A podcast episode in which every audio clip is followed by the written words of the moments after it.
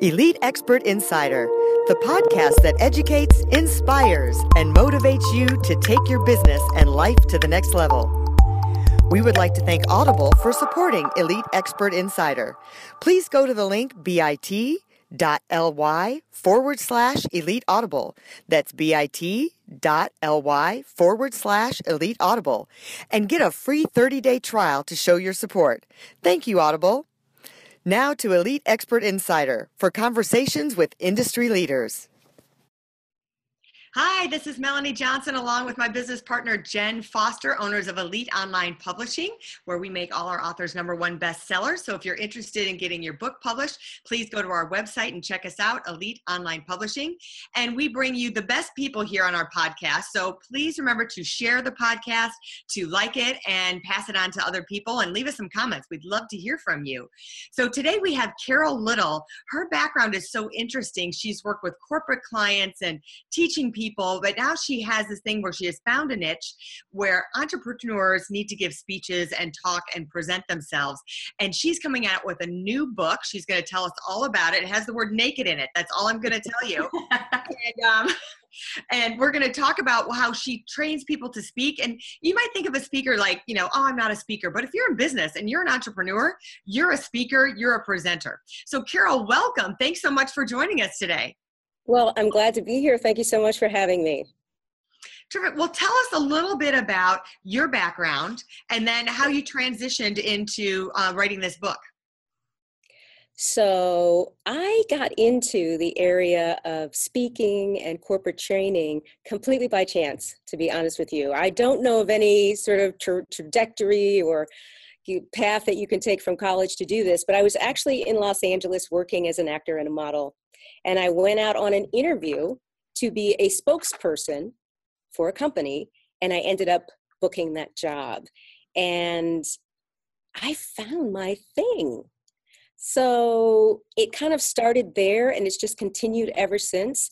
And it's something that I love, and I'm not acting or modeling anymore. I find that I like being me better than trying to be somebody else, and I'm better at being me than I am at being anybody else. And so my career really just grew out of that. I started with a company called Nissan, a car company, and then went on to train and speak for numerous companies like Merrill Lynch and computer companies and you name it, I've probably worked for them you know, I was from Detroit. The thing I did with car companies was I used to be an auto show model and travel around the world, which was less sophisticated. It was still giving a speech everywhere I went. It was the same one, but it was still the car company thing. But that's how I started as a product specialist. Yeah, well, see, that's what they call them now. So I'm way older than you because you were a specialist. And when I did it, we were in sequin gowns and twirling around on oh. the platforms.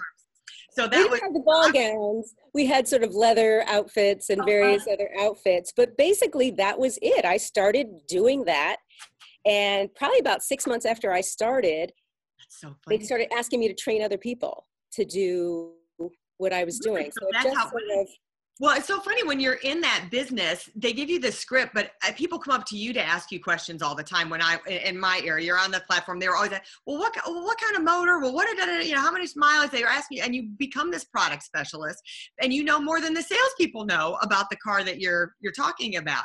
So that's so great that it turned into being this kind of show model into the product specialist, into the product specialist getting a job with the automotive industry. That's so cool. Well, and at Nissan, you didn't get a script. So you had to just know the product. Mm, wow. And so that's how I started. And then it just so happened that the agent that was representing me decided to start a corporate training division. And they chose 16 people that they thought might be good and they trained them to be corporate trainers. And I was lucky enough to be chosen. And so that's how the corporate training part started. That's great. And now since then, yeah, it's great you guys have that connection. Yeah. yeah. The auto show girls. and look where we are now. I know. I know. That's great. So that moved you into the corporate world. And then and and then now you work for corporate, but now you're moving into the entrepreneurial world. So tell us how that kind of evolved. So last year I opened up what I consider a new lane in my business. So I still have my corporate clients who I love, and actually just finished a job for one of them today. So I was just working for BMW, who's one of my favorite clients. So I still have them, but what I wanted to do was to be able to bring the level of training mm-hmm. to the smaller business and the entrepreneur space. Because it's not fair that corporations who have these big budgets get all the best training right? Mm-hmm. So, you know, small businesses need it too. And so I wanted to bring some of that to them. Terrific. And so I'm focusing specifically on the area of public speaking because even if you have no plans to be a speaker or a trainer or conduct workshops or anything like that, if you are one on one with a client, that's a presentation. Yeah. And you still need good speaking skills. A job interview is a presentation, right? Yeah. So this applies whether people want to be speakers or just want to be successful. So, what do you think are some of the most important things, um, whether it's on a stage with people or in a, a classroom at, a, at your business or one on one? What are some of the important things that you think that people should know about speaking? I think the most important thing is being yourself. And I mm-hmm. know that sounds like a little trite and easy, but after having worked with hundreds of people, I no longer believe that public speaking is people's number one fear. Mm. I think their number one fear is what I call public being. People are terrified to just stand in front of a room full of people and allow themselves to be seen. So they start to hide right in plain sight, right? They're fidgeting and looking around, and all kinds of weird things start to come out. And it's all to keep us from just seeing who they are. And so, a big part of the work that I do with people is giving them the permission and the encouragement to bring themselves to the stage because that's really where the money and the magic is. It's in who you are. And if you mm-hmm. hide that from the audience, you're not going to be able to connect in the way that you want to and need to.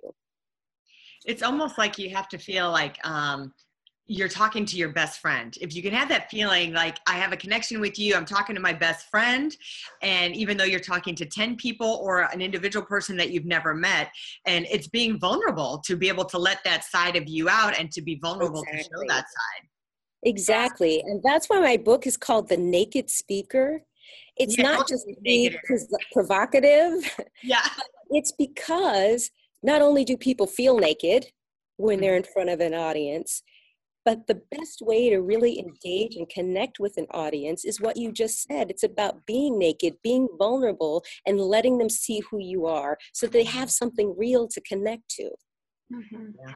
Well, and when you think about the speakers that you like and that you enjoy listening to the most, you feel like you are friends and you feel like they're talking to you. And you can tell that they're being themselves on the stage because when you talk to them afterward at the end of the meeting, or if you do get a chance to talk to them, they talk the same, they act the same. So yes, you can you definitely can see when someone has that shield up, or when you said like they're fidgeting, or they're you know they're mm-hmm. putting up a guard so that yes. they're not really being themselves. And once they let that guard down, then the speech evolves and everyone is enjoying it and everyone's laughing and, and having a good time and you're telling the speech how it should go or the speech or the yeah. presentation. You're exactly right. And so often I'll be talking to someone before or during a break and they're animated and they're fun or funny and they've got all this personality and then they get up in front of the room and they're just like this stiff yeah person and I'm always going, where's the person who was in the chair? Where's that person I was just talking to a few minutes ago? But we don't trust that we're enough. And so we think we have to be something that people want or mm-hmm. expect. And really, what they want is us. Mm-hmm. So, on top of that being the most important thing, what are the other less important things, but also still important things that people should keep in mind that are in your book? So these things are still are really important too, and that is body language. right? Because your body is saying things even if your mouth isn't. Mm-hmm. And so when it comes to body language, you just don't want to do anything that's distracting from what you're saying. And that's why right. the fidgeting or roaming around or doing weird things with your hair, whatever people do, you don't want to do them just because they're going to distract from your message. Mm-hmm. The other really big component is your voice. That old saying, it's not what you say, it's how you say it yeah. that really does apply. And so I think of vocal skills or vocal dynamics, things like mm-hmm. volume and pitch and inflection and tone and pace and all of those things. I think of the vocal dynamics being to speech what punctuation is to the written word. So you would never just write a a paragraph, a page of just words down the page because nobody would know what you were talking about. Mm-hmm. So you need the comma, the period, the double space between paragraphs, which is I, what I call transition. Right. Like we need to be able to follow what you're saying. And so the way you say it is what allows us to do that. Mm-hmm. So that's a big part of it. And obviously, you don't want to be monotone. You want to be interesting yeah. and keep and people. I think it's um, one of the things being in, in the business that we were in um, when we were young was that, you know, listening to your voice, recording your voice, hearing yes. how you sound. And that's also kind of vulnerable too. I mean, we do these podcasts, but it's like painful to go back and watch myself sometimes. I'm like, oh, I don't want to see how I look and how I sound. I know. But, um, but you know, that's what you really need to do is go back and listen to all that and, and see yourself in the body language and video yourself and hear and see the whole package as painful as it may be sometimes to do that. That's why when I work with people, yeah, and that's why when I work with people, I always videotape them.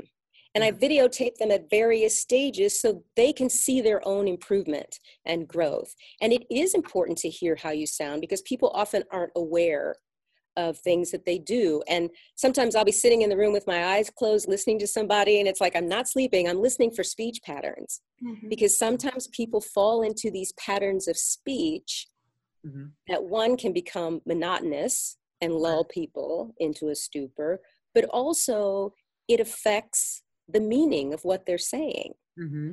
Or they, you know, they whatever they say the the end of the sentence trails off and then you just miss it and you don't know what they said things like that i'm always listening for and helping them to correct so that the message gets across clearly mm-hmm.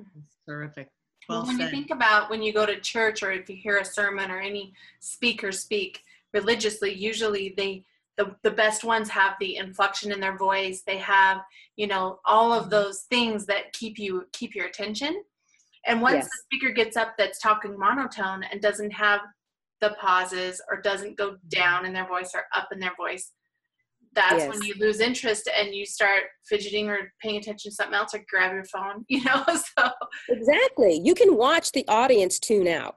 Yeah. You you can see it happening if you're aware while you're up there you could you can totally see that you're absolutely right and i think that with the advent of the medium that we're using right now Zoom, webinars. Your voice and your vocal skills are becoming even more important mm-hmm. than they would be because so often that's all they've got mm-hmm. to go on to help communicate that message. Not just um, the book coming out, Naked Speaker, it's supposed to be coming out in the fall. And being a publishing company, we always like, if you're an author, tell us a little bit about your writing experience, um, putting the book together, the things that went easy, the things that went hard, and what you would recommend to other entrepreneurs if they're trying to do a book. What have you learned so far before it's coming out? So I think that I tried to write a book before. Mm-hmm. And I was having a really tough time because I was trying to write a book. I was trying to force the book. Mm-hmm. But after having done this work for so many years, the book is now coming out of the work mm. that I've done. Mm. And so I don't have to try to say something important or that I think I should say or anything like that. It's just come out of the work that I've done and the mm-hmm. experiences I've had, the things I've learned from the people that I work with, because I'm still learning.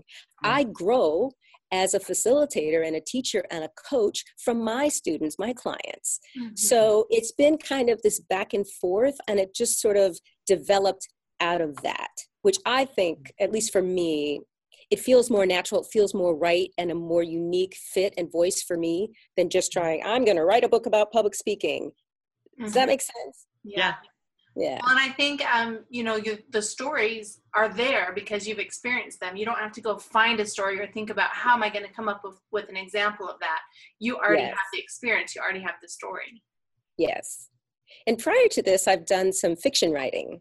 I've written a novel and a children's book, but this is the first time I've sort of attempted nonfiction. And so it was a very different, like in fiction, you can just make it up. Mm-hmm. Well, what's so great about your book is you're going to be training people to speak, yes. and that's what your book is about. So, what we teach people, especially in business and nonfiction, is that now you'll have that book that you can use as a business card. You can use it to send out to um, prospective clients. You can use it to give away. You can do so many different things with it. But once yes. you have that, that makes you the expert and authority in that field on a worldwide scale. Exactly. Exactly. And then it's a tool. Mm-hmm. You know, Not everyone is going to be able to coach with me. Mm-hmm. And they can still benefit from my experience and all that I've learned, even if they can't physically get in the room with me. So I'm excited about that too. Yeah. That's great. So, um, tell us a little bit about um, what you do one on one with clients. So, you'll take a client and maybe they've read your book, maybe they haven't if they've signed with you now, and um, they might be a, have uh, their own company, maybe with 20, 30 employees. What kind of thing do you do with a personal client? So, I work with them in a number of ways. If they have a team, I can come in and I'll conduct a workshop that'll last mm-hmm. two to two and a half days max, just depending on the size of the group and what they want me to do. Right. Individually, I have coaching programs. Periodically, I will launch a 90 day boot camp so people can coach with me. It's a group coaching situation. We use Zoom. Yeah. And they also will get private calls with me and I work with them that way. With all of my clients, I have them send me videos of them speaking so that I can track their progress and so can they. I have a client right now who has a really big speech coming up, and it's at a business association meeting, and it's like 700 people. Oh, so she really wants to nail this, right? So we're working very specifically. This is just sort of short term. So I get the video of her during her speech. We've got two to four hours of one on one on Zoom, really laser focusing on the things that are going to really take that speech to the next level. So those are the most common ways that I work with people. And mm-hmm. then maybe there's a, a webinar kind of situation. I often will do those for no charge so that people can just sort of get on and see who I am and get a chance to meet me. So those are the main ways that people are working with me right now. Terrific. And where can we find you at? You can find me at littletrainingcompany.com. And I'm also on Facebook. You can find me on Facebook at Little Training Company or Carol Little. And I'm also on Twitter at Carol Little 01. Awesome. Well, we'll put up the link on the video We're here. getting ready to completely redo the website though. So oh. if you happen to go there in a week or so and it's under construction, that's why, because I just rebranded. I've got a brand new logo and all kinds of stuff happening right now.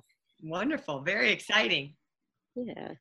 Well, I love that you told us how important it is to make sure that you have those skills to be a speaker, whether it's for even your personal life. You're you're having that conversation with people every day, even if you're if you're a mom, if you're a, a parent, if you're working on your own, if you're a salesperson. I think it's really important to have those skills and be have that genuineness that you talked about. So thanks for coming, Carol. We really appreciate you visiting us today. Well, thank you for having me. It's been a pleasure. Yeah, we look forward to reading your book. Thank you.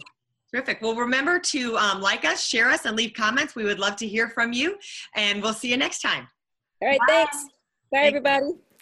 For more information about us, go to eliteonlinepublishing.com. To get your free book, The Accomplishment and Success Story Starter, simply text your name and email to 832 572 5285. That's 832 572 5285. We'd also like to thank Audible for supporting Elite Expert Insider. To get your free 30 day trial, please go to bit.ly forward slash elite audible. That's bit.ly forward slash elite audible and get your free 30 day trial to show your support. Thank you, Audible.